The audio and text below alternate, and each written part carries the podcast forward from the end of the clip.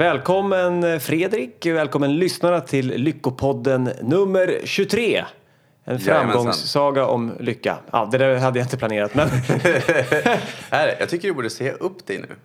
Eh, ja, det kanske jag skulle göra. För, att, för att nu, nu känner jag att det här blir inte lika roligt längre. Ja. Jag tappar liksom energin. Ja. Så nu skiter vi i det här. Förra veckans avsnitt så, så pratade vi om Så får du roligare på jobbet. Den här veckan så ska vi prata om Säg upp dig på jobbet. Vi ska uppmana folk eller kasta ur oss provokationen Du borde säga upp dig imorgon. I alla fall idag? Idag! Säg upp dig nu! I alla fall om du inte gillar ditt jobb. Det här ska vi bolla. Vi ska gå lite, bli lite, lite retliga, lite provocerande. Kanske vända ut och in på en och annan föreställning och tanke. Eller vad, vad tänker du kring det här ämnet? Ja, men jag tänker ju som sagt att för en person som går på ett jobb som inte trivs där, det är varken bra för dem eller arbetsgivaren. För, för en arbetsgivare att ha en anställd som inte trivs eller inte gör sitt jobb, alltså det är ju inget kul för dem heller. Och då är det bättre att man lämnar utrymme för någon som faktiskt vill göra det jobbet. Just det. Men för att vara lite djävulens advokat mot oss själva då. Så, så senaste avsnittet så, så gav vi tips på eh, och filosoferade kring kan det inte vara så att man faktiskt kan uppskatta vilken syssla som helst? Med min liknelse från det här meditationsretreatet jag var på för ett tag sedan. Att, att jag städade toaletter och tyckte efter ett tag att ja, men det här är ändå rätt så givande. Eh, för att jag kunde använda tanken och se vad det betydde för andra och sådär. Eh, så, men nu har vi ett avsnitt som säger säg upp dig. Det här kan ju förvilla folk. Ja, men tanken som är det här är att det är alltid bra att träna på de olika sakerna. Till exempel du tränar där uppmärksammat. Det kanske, men det är helt okej att göra toalett, städa toaletter. Och du tyckte att det var harmoniskt just då. Men det betyder ju inte att du vill göra det resten av livet. Du lärde dig för att den stunden du är där att hantera dina känslor och dina tankar så att du trivdes med den stunden du var kvar. Men det betyder ju inte att du vill fortsätta göra det resten av livet. Likadant på ett jobb så kan man lära sig hantera sina tankar och sina känslor så att du trivs där den tiden du är där. Men det betyder ju inte att du vill fortsätta vara kvar där. Ja, just det. Och det är det här som, som, eh, som vi ska grotta in oss i. När ska man vara kvar för att kanske lära sig någon, vad om vi ska uttrycka det enkelt, lära sig en, en läxa, lära sig hantera en situation. Och när ska man lämna? Och det här går väl egentligen att applicera på, på förhållanden eh, och en massa annat likväl som, som jobb. Eller vad tror du? Ja, men jag tror att det går att applicera på alla saker. Eh, just det här att, vi diskuterade det förut och vi kommer ta upp det nu också. Det är att jag förut mer och mer, jag engagerade mig i saker för att jag tänkte ah, men det här är jag dålig på så det här, det här är extra bra att lära mig. Eller de här bitarna är jag kanske in, inte mina styrkor så de behöver jag förbättra så mycket. Men det blev på den nivån att jag var kvar på ett, ett, ett yrke i flera år där jag faktiskt insåg med tiden att men alltså, det, visst, jag har lärt mig att bli bättre. Jag har vuxit som människa och jag uppskattar det väldigt mycket. Men det är inte meningen att det är det här jag ska göra. Jag trivs ju inte, men jag tycker inte det är kul. Och då insåg jag att ibland är det faktiskt lätt, bättre att ta den lättare vägen. Och den lättare vägen då skulle vara att följa vad du tycker är kul. Precis. Just det. Eh, vad, vad tänker du då om de, någon inte vet vad de tycker är kul?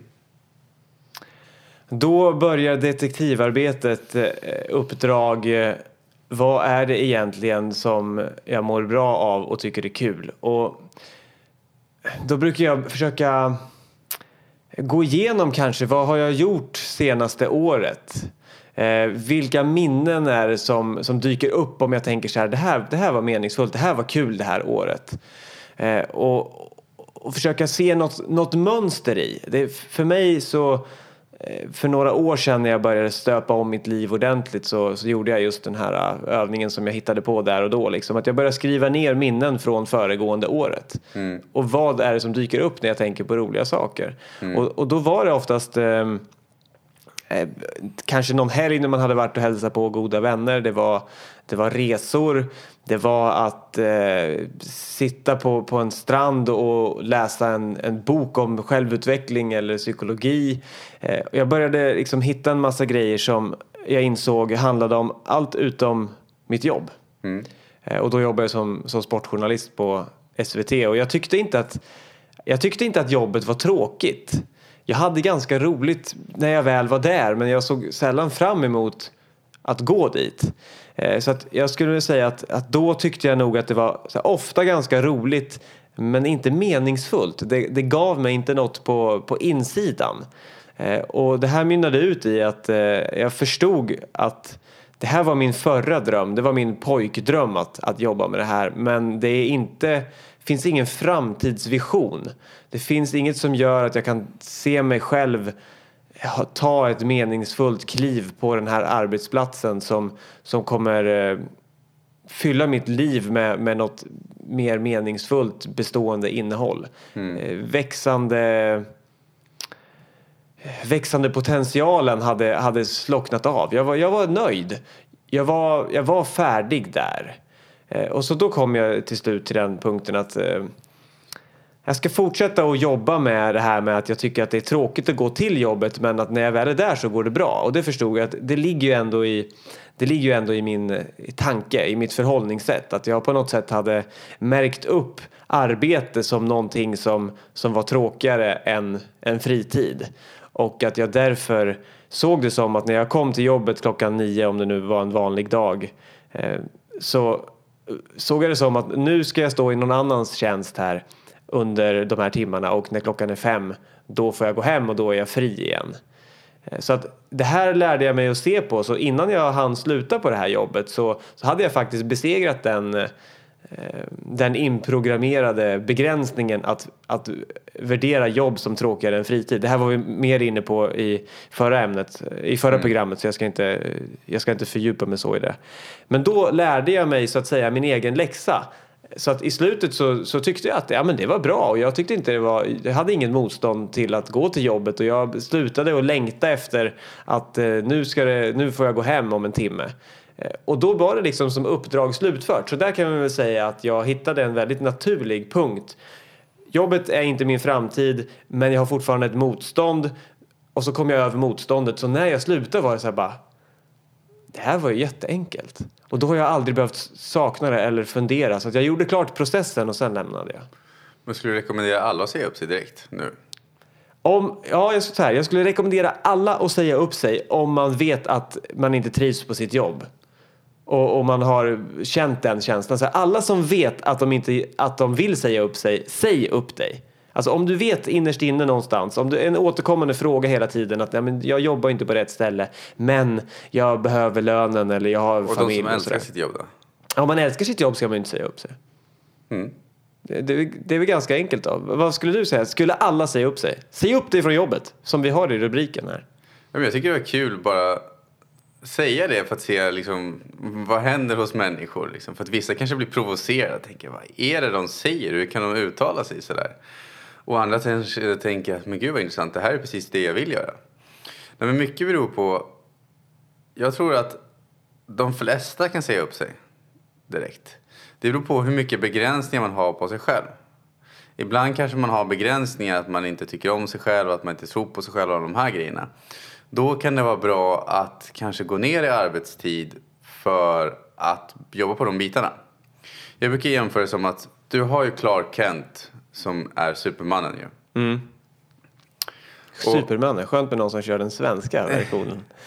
Ja, just Det Super- nej, det var ju en blandning. Stål, Stålmannen? Nej, förlåt. Stålmannen? Nej, jag vet inte. Heter han det? Ja, skit- Stålmannen är det på svenska. Supermannen. Superman. Superman. Ja men Stålmannen då. Ja, Ja. vi säger Stål. Stilmannen. Kanske är. Skitsamma. Nej, jag bara jäklas. Jag glömmer säger, vi, vi, döper dem, vi döper honom till Stålmannen då. Varsågod, Super-Fredrik. Du har Clark Kent. Och han är ju Stålmannen. Men det grejen är att i början så är det ju ingen som vet om det. Han får ju inte betalt för att vara Stålmannen. Nej. Men han ser till att hitta ett yrke som gör och tillåter honom att vara Stålmannen. Att springa iväg lite plötsligt. Det kanske inte alltid är så jättebra, men han har fortfarande möjligheten genom sitt yrke att göra det. Och exempelvis är det så att om du har ett jobb du verkligen inte trivs med men du vet inte vad du vill göra istället. Det som sker för de flesta, inte de flesta men en del av dem jag träffat. Det är att det finns ingen tid att tänka efter för det är så stor del av dagen som fylls med arbete att när personen väl kommer hem är de helt slut. Och då kan jag rekommendera istället att räkna på ekonomin. Vad behöver du under en viss period för att gå runt? Och hur mycket kan du gå ner i arbetstid för att göra det? Och kanske vissa tänker, men jag kan inte gå ner i arbetstid, det kommer jag inte få. Nej, men du får ju testa i alla fall. Det här handlar ju ändå om ditt liv och vad du vill och din framtid. Så om du inte tillåter dig själv att göra dem och testa eller åtminstone fråga efter de sakerna nu, när ska det då ske? Just det. Jag gillar eh, ett, en tankeövning som man kan göra för att eh, få, få liksom den här motivationen eller för att ta ett beslut som man kanske inom har, inom sig har känt på sig finns där. Så att jag är inte nöjd med mitt jobb. Men det här att komma till skott och faktiskt göra någonting. Att komma och sätt, sjösätta förändringsbåten. Att man tänker sig så här. Så här mår jag idag av det jag gör. Så här mår jag idag av att gå till ett jobb som jag inte tycker om. Eh, och hur skulle jag känna mig om jag spolar fram tiden ett år och jag har fortsatt att fem dagar i veckan gå till mitt jobb som jag inte tycker om. Trots att jag vet att jag skulle vilja göra en förändring så har jag inte gjort det. Hur skulle det kännas efter ett år? Hur skulle det kännas efter två år? Att efter två år från nu ha, ha vetat om att jag ville sluta mitt jobb fortsätter ändå mot min vilja att gå till mitt jobb fem dagar i veckan. Hur skulle det kännas efter två år? Och hur skulle det kännas efter fem år? Och hur skulle det påverka mitt totala mående? Och hur skulle det påverka min hälsa att fortsätta att kämpa emot mig själv? Och barnen. Precis, hur skulle det påverka mina medmänniskor? Min familj, min partner eller mina vänner att, att jag fortsätter att urlaka mig själv på energi genom att göra någonting som jag inte tycker om.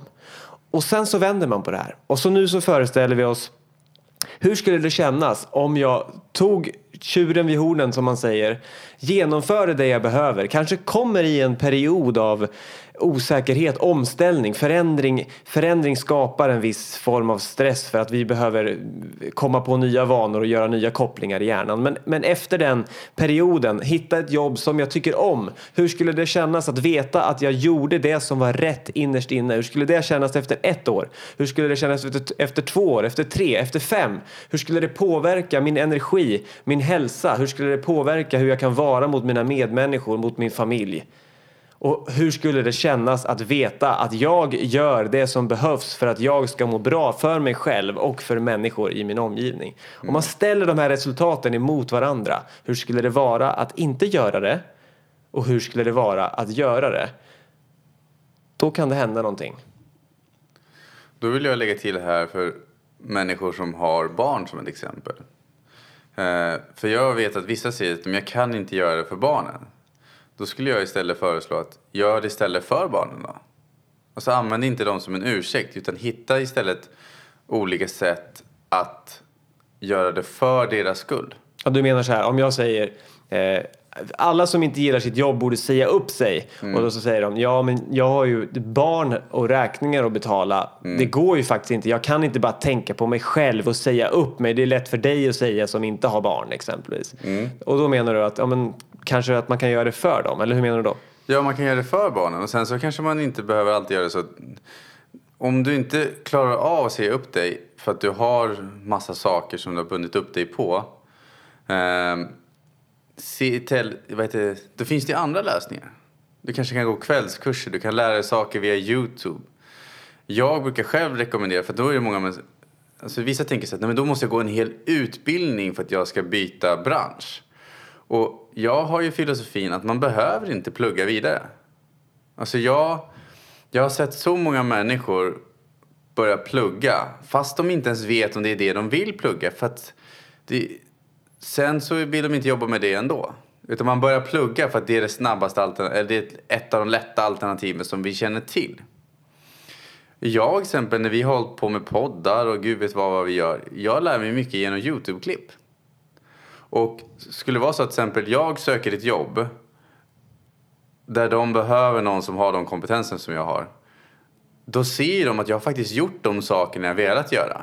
Det säger ju en, nästan mer än studierna många gånger. Mm. Ja, det känns som att vi är inne i ett, eh, ett skifte där, där man kan lära sig egentligen vad 17 som helst på, på egen hand. När jag slutade mitt, eh, mitt jobb på SVT som sportjournalist för, för ett år sedan, Eh, då då frågade ju människor, men vad ska du göra nu då? Liksom. Och jag hade lite svårt att förklara det, även om jag för egen del visste vad jag skulle göra. För, att, för jag skulle ju utbilda mig själv. Jag hade ju hittat liksom, de här verktygen med meditation och självutveckling och kände att jag växer för, alltså varje ledig dag jag har så, så växer jag för att då kan jag ägna mig åt det jag tycker är intressantast i, i livet. Min mm. passion helt enkelt. Eh, så lösningen för att bli en, en coach, en rådgivare, en människa som funderar på livsfrågor och delar med sig till andra.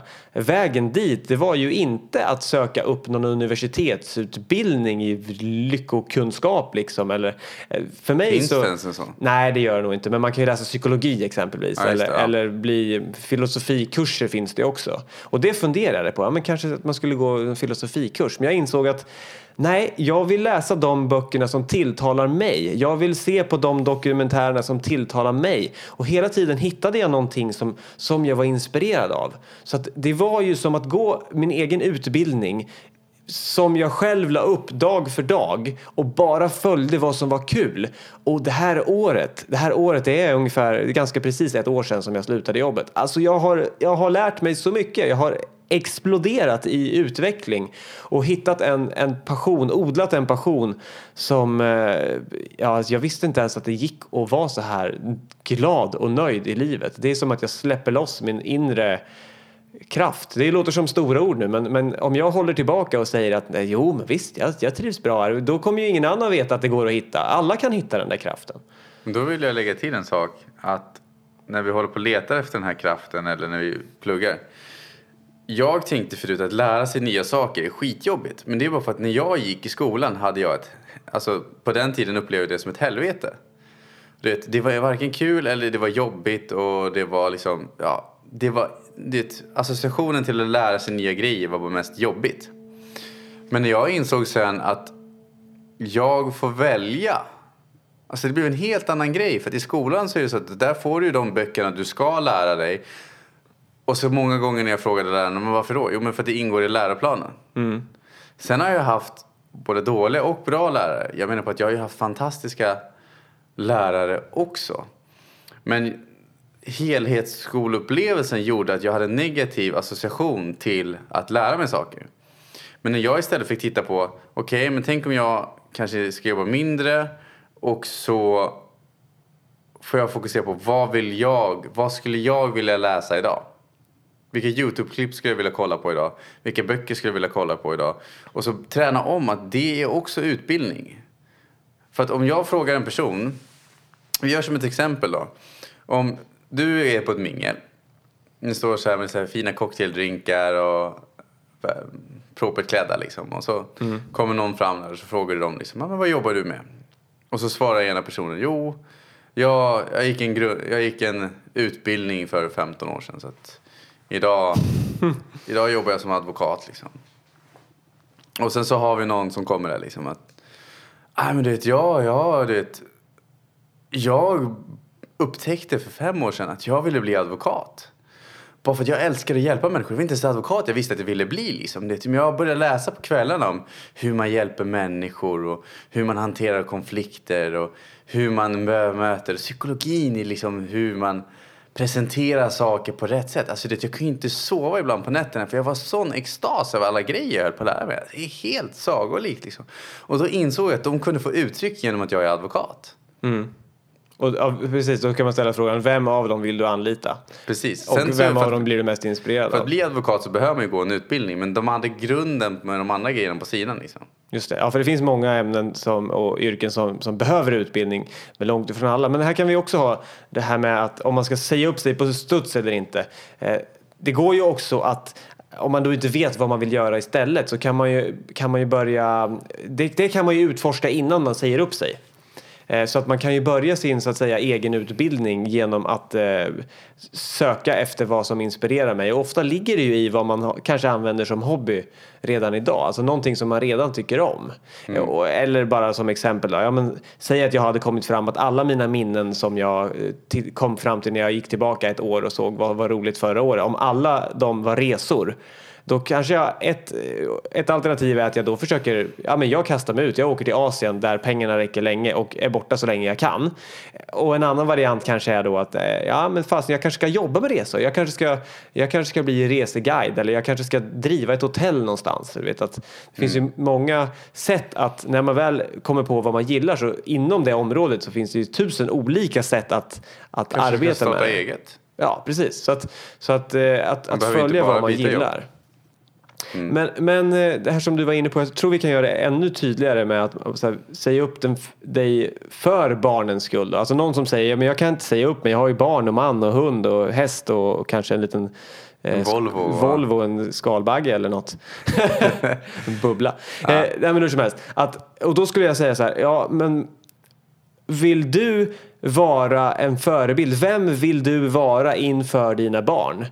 Kan det vara så att du ska säga upp dig för dina barns skull för att visa att man ska göra det som man önskar i livet? Eller vill du vara kvar på ditt jobb och tala om det för dina barn när de är lite äldre och kanske förstår, om de nu är så unga så att de inte förstår idag, eh, att nej men jag stannade på, på jobbet eh, för eran skull och nu är jag utbränd men, men jag är ändå glad att, eh, att jag ställde upp liksom.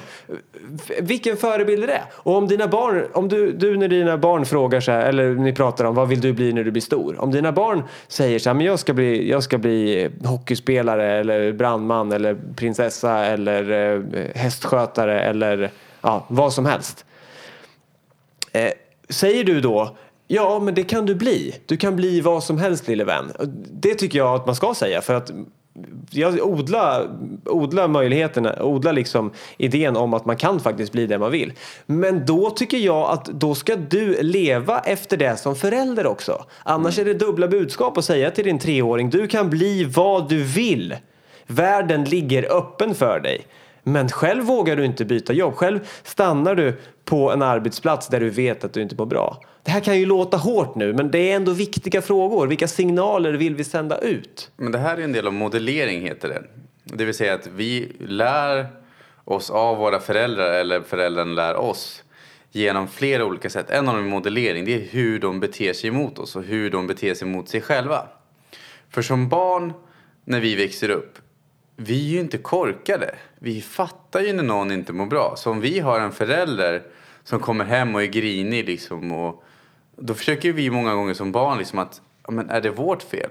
Och så tar vi på oss lätt, alltså de vuxnas ansvar.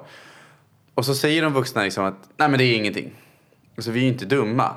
Vi fattar ju att det är någonting. Och många gånger då när föräldrarna kanske inte uttrycker det så går vi och oroar oss att det är vårt fel, att det är vi som har gjort någonting, att det är fel på oss och sånt. För att vi försöker vara där vi är kärleksfulla, men vi får ett bemötande av att det är någonting fel. Och försöka tolka vad som är felet. Men vi kan göra som jämförelsen att om du har, jag tror jag berättat den historien tidigare. Vi kör en, en kort version ändå. Det var, det var en tjej, när hon var liten så gick hon alltid till sin mamma och bara, mamma, mamma, har du pengar till glassbilen? Nej, men mamma har inga pengar på sig nu, så gå till pappa, pappa har pengarna. Och så där höll det på varenda gång liksom. Nästa gång glassbilen kom, mamma, mamma, har du pengar till glassbilen? Liksom. Nej, men jag har inga pengar nu. Så gå till pappa, pappa pengarna. Och det hon lärde sig var, hon förstod inte det då. Och det tog ju många år i vuxen ålder av självutveckling för att inse varför hon inte lyckas behålla sina pengar. Det är för att hon undermedvetet hade modellerats genom hur hon såg sin mamma vara. Så hade mamma hon på något mamma har vänster... inga pengar, hade hon fått in. Nej, men, det är inte kvinnorna som har pengarna, det är männen som har dem. Ja, det var, det var så hon, just det. Det, Ja. det, det blev det, den symbolen för Så henne. du kan få pengar men du, du får inte vara dina. Du kan gifta dig rik, du kan göra de här grejerna men liksom... Ja. Hmm. Och det här påverkar då henne upp, upp i livet och så hade hon den inställningen också undermedvetet eller? Ja, så fast även i vuxen ålder så ju mer, för hon var ju tillsammans med en kille och ju mer pengar hon tjänade ju mer brände de. Alltså det, så att det var, hennes mål var, hon fick ju inte ha någon pengar kvar för hon skulle ju inte ha någon pengar. För hennes mamma hade inga pengar och då skulle man gå till... Ja, det, är, det, är, det mesta bottnar ju där, vi säger ju det. Och det är lika fascinerande varje gång tycker jag som man, som man får höra de här historierna om hur en händelse när man har varit ett mönster när man har varit barn påverkar hela ens, ens liv som vuxen. Mm. Och ännu häftigare när man kommer på egna sådana där äh, programmeringar också. Mm. Eh, Men om nu någon ska säga upp sig, det, det är ju ändå det här med förändring det är naturligt att, att det skapar en, en viss rädsla. Hur, hur ska vi då hantera om, om, om man sitter som lyssnare här och känner att Nej, men det där stämmer in på mig. Jag, det är faktiskt dags att, att röra på mig. Hur ska vi hantera den rädslan då som ändå kommer när vi börjar tänka på att faktiskt genomföra det? Jag brukar vara genom att tillåta den komma. Liksom att inte känna att jag borde göra det här. Många gånger så tror jag våra negativa känslor bubblar upp för att vi inte lyssnar på dem. Jag brukar se det, min rädsla som att det är en... Du vet, ibland sitter man att det är djävulen och det är ängeln som sitter på ryggen. Liksom. Du har den negativa rösten och den positiva. Jag ser båda rösterna som beskyddande. Det är inte en djävul som sitter på andra sidan. Det är, det är en ängel som sitter på ena sidan, den vill ha fart och fläkt och det. Och så är det en annan ängel, de säger att ena har blå klädsel och den andra har grön. Som vill också positivt. Det är inte djävulen som vill klanka ner på dig, utan det är den som försöker beskydda dig från att göra om misstag som du kanske har upplevt när du var mindre. Skulle man kunna säga att den djävulen då som säger så här, nej men du ska inte, det kan gå dåligt, att den egentligen vill förbereda en för att göra de åtgärder eller ta, eh, vända ut och in på de tankarna som begränsar en så att man kan bli av med dem. Precis. Och då kan du fråga, då kan du låtsas, det här är en ganska eh, en kul övning, jag tror de använder det inom NLP också. Eh, det är att i vänster hand föreställer du dig ena figuren och i höger hand föreställer du dig den andra figuren. Och sen så låtsas du att du pratar med dem. Det är ett sätt för att vi tar bort känslorna från oss. Alltså det blir att du kan titta på dem istället. För att när du har en känsla som sitter djupt inom dig så kanske man ja men det känns inte bra. Man kan inte sätta fingret på den. Men genom att låtsas att du har två små figurer som symboliserar de här känslorna. Typ Sen- en ängel och en djävul i ena, en ängel i vänstra och en djävul i högra. Ja. Men Jag skulle vilja byta ut djävulen mot något annat för att den, båda är ju beskyddande. För djävulen blir ju som att man associerar det som att den är den dåliga liksom. Just det. Så ta två olika typer av änglar. Ja, hitta på något annat bara. Ehm, om, En, en, jag fick upp bara en, en Super Mario-gubbe och en Luigi. ja, Från det gamla tv-spelet som, som unga människor säkert inte alls spelar nu. Så att, Ja. eh, det, det fanns ett tv-spel en gång som hette Super Mario Bros. ja. Ja, ja vi tar två googla på figurer. Folk får välja själva vad de har för, Ja. för figurer. liksom. Ja, men de kan göra även också. Så håll händerna framför dig bara lite lätt. Och så tittar du på de här. Och så låtsas du att ena figuren är ena handen, andra figuren är andra handen. Mm. Och sen så frågar du vem av de här aspekterna vill prata först. Och då kommer ju någon av de känslorna vilja uttrycka sig först. Så, Vad skulle det kunna vara då? ja, men det skulle kunna vara att jag frågar den känslan. Okej, men låt säga att känslan som vill framåt vill prata först.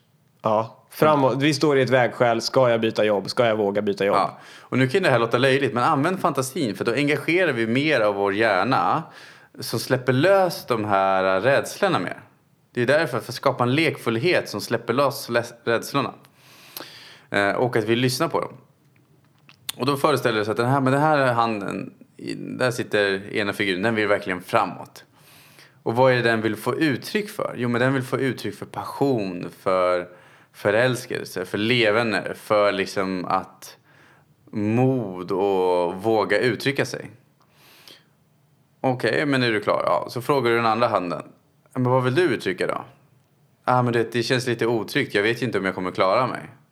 Ja, vad är det som är rädd farligt med det? Jo, men till exempel vi har ju barnen eller jag vet inte vad jag ska göra istället. Det är det här, jag kan inget annat, jag vet inte vad jag vill, alla de här grejerna. Och då kan man fråga den, vad heter det, att, men vad skulle du vilja göra då? Eller vad är det du försöker skydda ifrån? Liksom? Kan kan, är det någonting mer du vill säga här? Och sen så kan man be båda aspekterna fråga dem tillsammans. Hur vill ni samarbeta? Just det.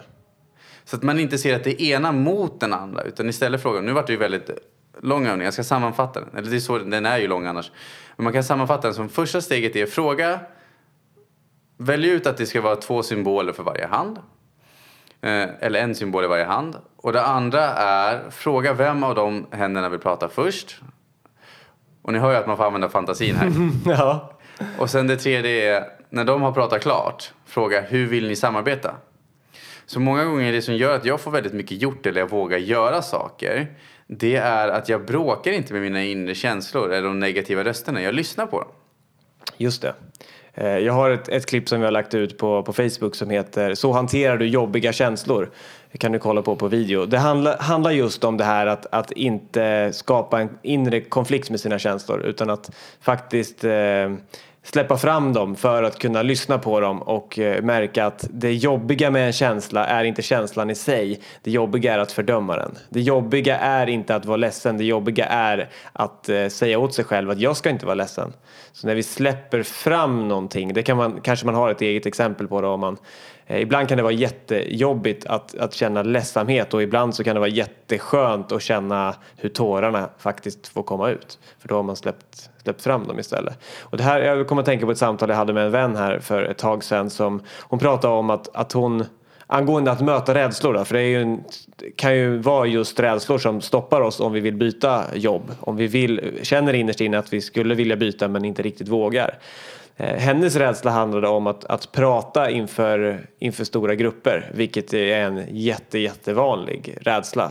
Faktiskt är folk eh, enligt en studie eh, mer rädda för att prata inför människor än vad de är rädda för döden. Men det är ett sidospår.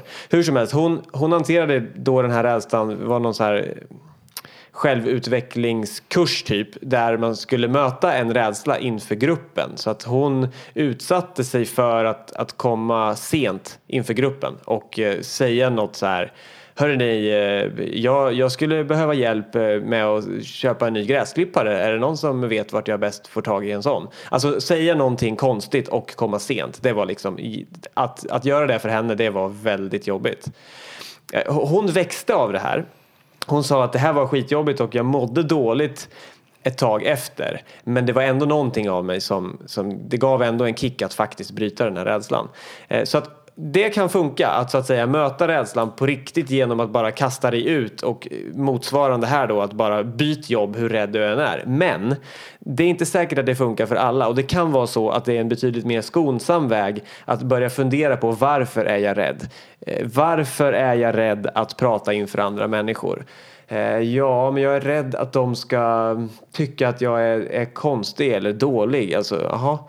Eh, tycker du att andra människor är konstiga eller dåliga om de pratar eh, inför en grupp och inte vet exakt vad de ska säga? Så jag bara, nej, Nej, det gör jag nog inte. Jag, jag tycker det är helt okej. Okay. ja, men, eh, kan du till och med känna sympati med människor som inte alltid vet exakt vad de ska säga inför en grupp? Ja, det är nog sant. Okej, så håller du med om att, att andra människor som, som inte alltid vet exakt vad de ska säga och är supersjälvsäkra, att du faktiskt eh, tycker om dem lika mycket oavsett hur de presterar inför grupp? Så här, ja, det är sant. Ja, men på vilket, eh, varför dömer du dig själv enligt en skala och andra enligt en skala? Så att vi har ofta en tendens att vara mycket hårdare mot oss själva. Och då börjar vi liksom undersöka och ställa frågor till oss själva, ställa frågor om våra rädslor. Precis som du, eh, de här eh, två olika figurerna kan få samarbeta. Så börjar vi lösa upp dem och så kommer man ner till kanske, ja, men jag är rädd för att andra inte ska tycka om mig. Eller jag är rädd för att misslyckas. Och då, då kommer vi liksom ner till, till djupet. Kan jag unna mig själv att inte bedöma mig själv hårdare än vad andra bedömer sig själva? Eh, Kan jag, vara, kan jag ge mig själv förlåtelsen att sluta trycka ner mig? Och vilket råd hade jag gett till en kompis som tryckte ner sig själv? Som dömde sig själv hårdare än alla andra? Jag hade förmodligen sagt att Döm inte dig själv så hårt. Du, du eh, trycker ner dig själv på ett sätt som du aldrig hade gjort med någon annan. Och då börjar vi liksom komma under skinnet på de här rädslorna och kan lösa upp dem. Och då kan det, ibland kan det få sådana följdeffekter så att man inser att en massa andra rädslor grundar sig i exakt samma sak. Jag var rädd för att misslyckas. Jag var rädd för att inte känna mig älskad, för att inte vara värd. Och om vi kan komma ner så långt då kan, då kan ju det flyga bort ett helt sjok, en hel låda med rädslor. Ja, och jag brukar kalla en, en sak som man kan lägga till då är provsmaka livsstilar brukar jag prata med dig en del om annars. Det är att jag provar väldigt många gånger olika saker för att se vad det är jag vill. Som ett exempel var till exempel, jag funderade på om det var IT jag skulle satsa på. Och då såg jag till att bjuda ut en person på lunch som är, har, driver ett framgångsrikt IT-företag. Och då kan man tänka så här att ja, fast jag känner ju ingen som har det. Nej, men det gjorde inte jag heller. Utan jag tänkte att jag, jag mejlar personen. Och så, tänker jag, får jag bjuda, så skrev jag bara, får jag bjuda på lunch? Vore det kul att liksom ta ett samtal och höra mer om dina tankar och ditt företag och sådana saker. Och så tänkte jag, det får bära eller brista. Och han sa ja, vad fint. Han var en gratis lunch är aldrig fel. Slutade med att han bjöd ändå, men det spelar ingen roll. Uh, och då när jag satt och pratade med honom så insåg jag hur lite jag ville göra det. Hur lite jag ville jobba med det heltid. Och det var ju det som behövdes för mig. För jag satt där och bara, ska jag, skulle, är det där jag vill byta till? Men sen få möjligheten att sitta med någon och prata och inse hur en sån arbetssituation kan se ut. Fick mig att inse att det är inte dit jag vill. Och ibland kan det vara bra att fråga flera personer som har fått flera perspektiv på en sak. Det kan ju vara att just den personen har en dålig upplevelse. Men av det jag tog reda på så insåg jag att dit skulle inte jag. Nähä, okej, okay, men då, då... Och våga inte veta vart du vill vara. Mm. Alltså ha en öppenhet för det. Det kanske är något helt annat. Vi ska ju renovera, jag, vi håller, jag håller på att flytta till en ny lägenhet i Gamla stan. Och där ska vi renovera köket. Och då var det så kul för då var vi på en inredningsträff eh, från det företaget. Liksom, de hade en så här mingel. Och då vi, träffade vi på den som ska fixa köket. Och då frågade vi för skojs skull, liksom, men hur kom du in på det här? Och då visade det sig att hon, hade hållit, hon var intresserad av mode innan. Men hon visste liksom inte riktigt vad hon skulle göra. Och då var det en kompis till henne som sagt, men du borde ju jobba med designa kök. Alltså, och, och sälja kök. De är ju designer men liksom strukturerar den här sista så det passar in hos personen. Och då tänkte hon, jag kan inte ens laga mat. Ska jag jobba med att sälja kök? Du har ju gått och blivit galen liksom. Mm. men då tänkte jag, äh, men fasken jag går väl dit. Jag, jag går väl till något ställe och så kan jag testa liksom och få se om det är. Och nu visar det sig, hon älskar det. Det är det bästa jobbet hon har haft. Mm. För hon ja. vågade testa. Ja, jag gillar ditt koncept provsmaka livsstilen. Vi får se, det kanske vi får anledning att göra ett, ett helt eh, program om. Eh, att, att sätta sig in i situationen hur det skulle vara. Mm. Eh, ja, det, det är värdefullt. Eh, men ja, om vi skulle kanske börja sammanfatta det här då. Säg upp dig från jobbet. Prova tanken framför allt. Det är väl vad vi främst vill med det här avsnittet. Att, att, hur skulle det kännas? Säg upp dig. Vad, vad väcker det för tankar hos dig? Du, du, om jag säger så här, du är trött på ditt jobb, du borde säga upp dig. Vad väcker det hos dig? Liksom, mm. alltså, att, att vi, frågar, vi frågar oss det som, som lyssnare och som människor. Att, kom, vad kommer det för intuitivt svar? Innan vi hinner riktigt tänka efter. Så bara, ja det är faktiskt sant. Eller bara, nej är du dum i huvudet? Jag trivs ju hur bra som helst. Eller, bara, eller kommer det, eh, nej jag har inga pengar. Ja, hur kan, kan, du säga en sån sak? Liksom? Exakt, vad är det som kommer först när vi säger du borde ju säga upp dig? Mm. Det är någonting att ta med hem och, och ni kanske sitter hemma, men det, det, är någonting att fundera på alldeles oavsett om du gillar ditt jobb eller inte eller om du tror att du gillar ditt jobb. Så, så här, att man kastar ur sig den ibland. Man kanske borde säga det till folk. Man kanske borde säga det till sina vänner ibland och så bara testa så här. Hörru du, jag har tänkt på en sak. Du borde ju säga upp dig. jag skulle nog börja göra det för att se vad som händer? Liksom. Ja, jag är inte så mycket för torrsnack. Jag vill ju prata om såna här saker med alla människor. så det vore en bra, en bra icebreaker. Ja. Ja, men det, det vill jag lägga till. Det är intressant oss med oss människor när, när du hör det här påståendet som vi speciellt vi tryckte på lite extra i början. Vad dyker upp hos dig när du hör det? För är det så att det dyks upp ilska eller negativa starka känslor då betyder det att du har någonting obearbetat där som du inte tillåter dig själv att växa fram. Jag brukar säga så här, när vi, om vi inte tillåter någonting att ske då kommer oftast negativa känslor, ilska och sådana saker. Men jag kan rekommendera som en början då, sammanfattning är att lyssna på dina känslor. Skriv ner varför, vad jag är rädd för ska hända. Vad är det värsta som kan hända och hur skulle jag hantera det? Och det andra är att provsmaka livsstilen. Praktisera. Alltså, om det är så att du undrar hur ett jobb är, skriv till någon. Hur är det att jobba där? Är det så att du inte känner någon, googla. Det gjorde jag. Eller så använd kompisar, nätverk eller sådana saker. Läs på på nätet, sätt dig in i situationen. Hur är det faktiskt att göra det? För det är så många gånger jag har provat saker som jag tänkte att det här kommer jag älska och så visade det sig att det gjorde jag inte alls. Men så är det en massa saker som jag tänkt att jag ska prova bara för att ja, men kan väl prova, det är väl kul att prova någonting nytt. Och så visar det sig att jag älskat de sakerna. Mm. Och som, som en, eh, ett, ett tillägg till tillägget då. När du skriver vad är det värsta som kan hända, vilket är jättebra att kolla på. Skriv gärna också vad är det bästa som kan hända och så kan du jämföra lite dem däremellan. Som, som avslutning vill jag bara säga, eh, ta död på en sån här och det är högst subjektivt men jag, jag, jag påstår att, att det här stämmer. Många är rädda för att säga upp sig och kanske göra något helt annat under en period för att det blir en lucka i CVt som de inte vet vad de ska säga. Jag säger skit fullständigt i det och ta vara på tiden och bry dig inte om att någon ska sitta och säga till dig att här har du ett år där du inte var fast anställd. Det funkar inte så idag. Det kan jag är- lägga till. Det är förbi, det är stenåldern och även om en del är så, låt dem, låt de där jobbguiderna eller de här människorna som sitter och intervjuar folk, låt dem få förstå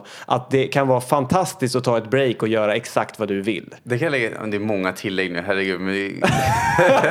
jag såg en professor apropå det igår tror jag det var, eller Tillägg förrgår. till tillägget till tillägget. Ja, som skrev ett... Han har skrivit CV på sina misslyckanden. Han har bara i sitt CV skrivit så här. Sökte doktor, eh, doktor, till doktorand, fick inte det. Provade det här, misslyckades. Så han har faktiskt skrivit ett CV som han har delat där han bara har tagit med sina katastrofala misslyckanden. Det, det, det får bli det sista tillägget. Jag vill inte tillägga något mer. Vi är färdiga. Fundera på det du behöver fundera En, på. en sak till. En, ett tillägg. Nej, jag skojar bara. Får jag lägga till? Nej. Nej. Nej nu, nu, nu, nu fimpar vi det här. Okej. Lyssna på Lyckopodden så mycket Okej. du vill, så mycket du orkar. Tack Eller hej. inte. Ha det gott. Hej, hej. Hej då.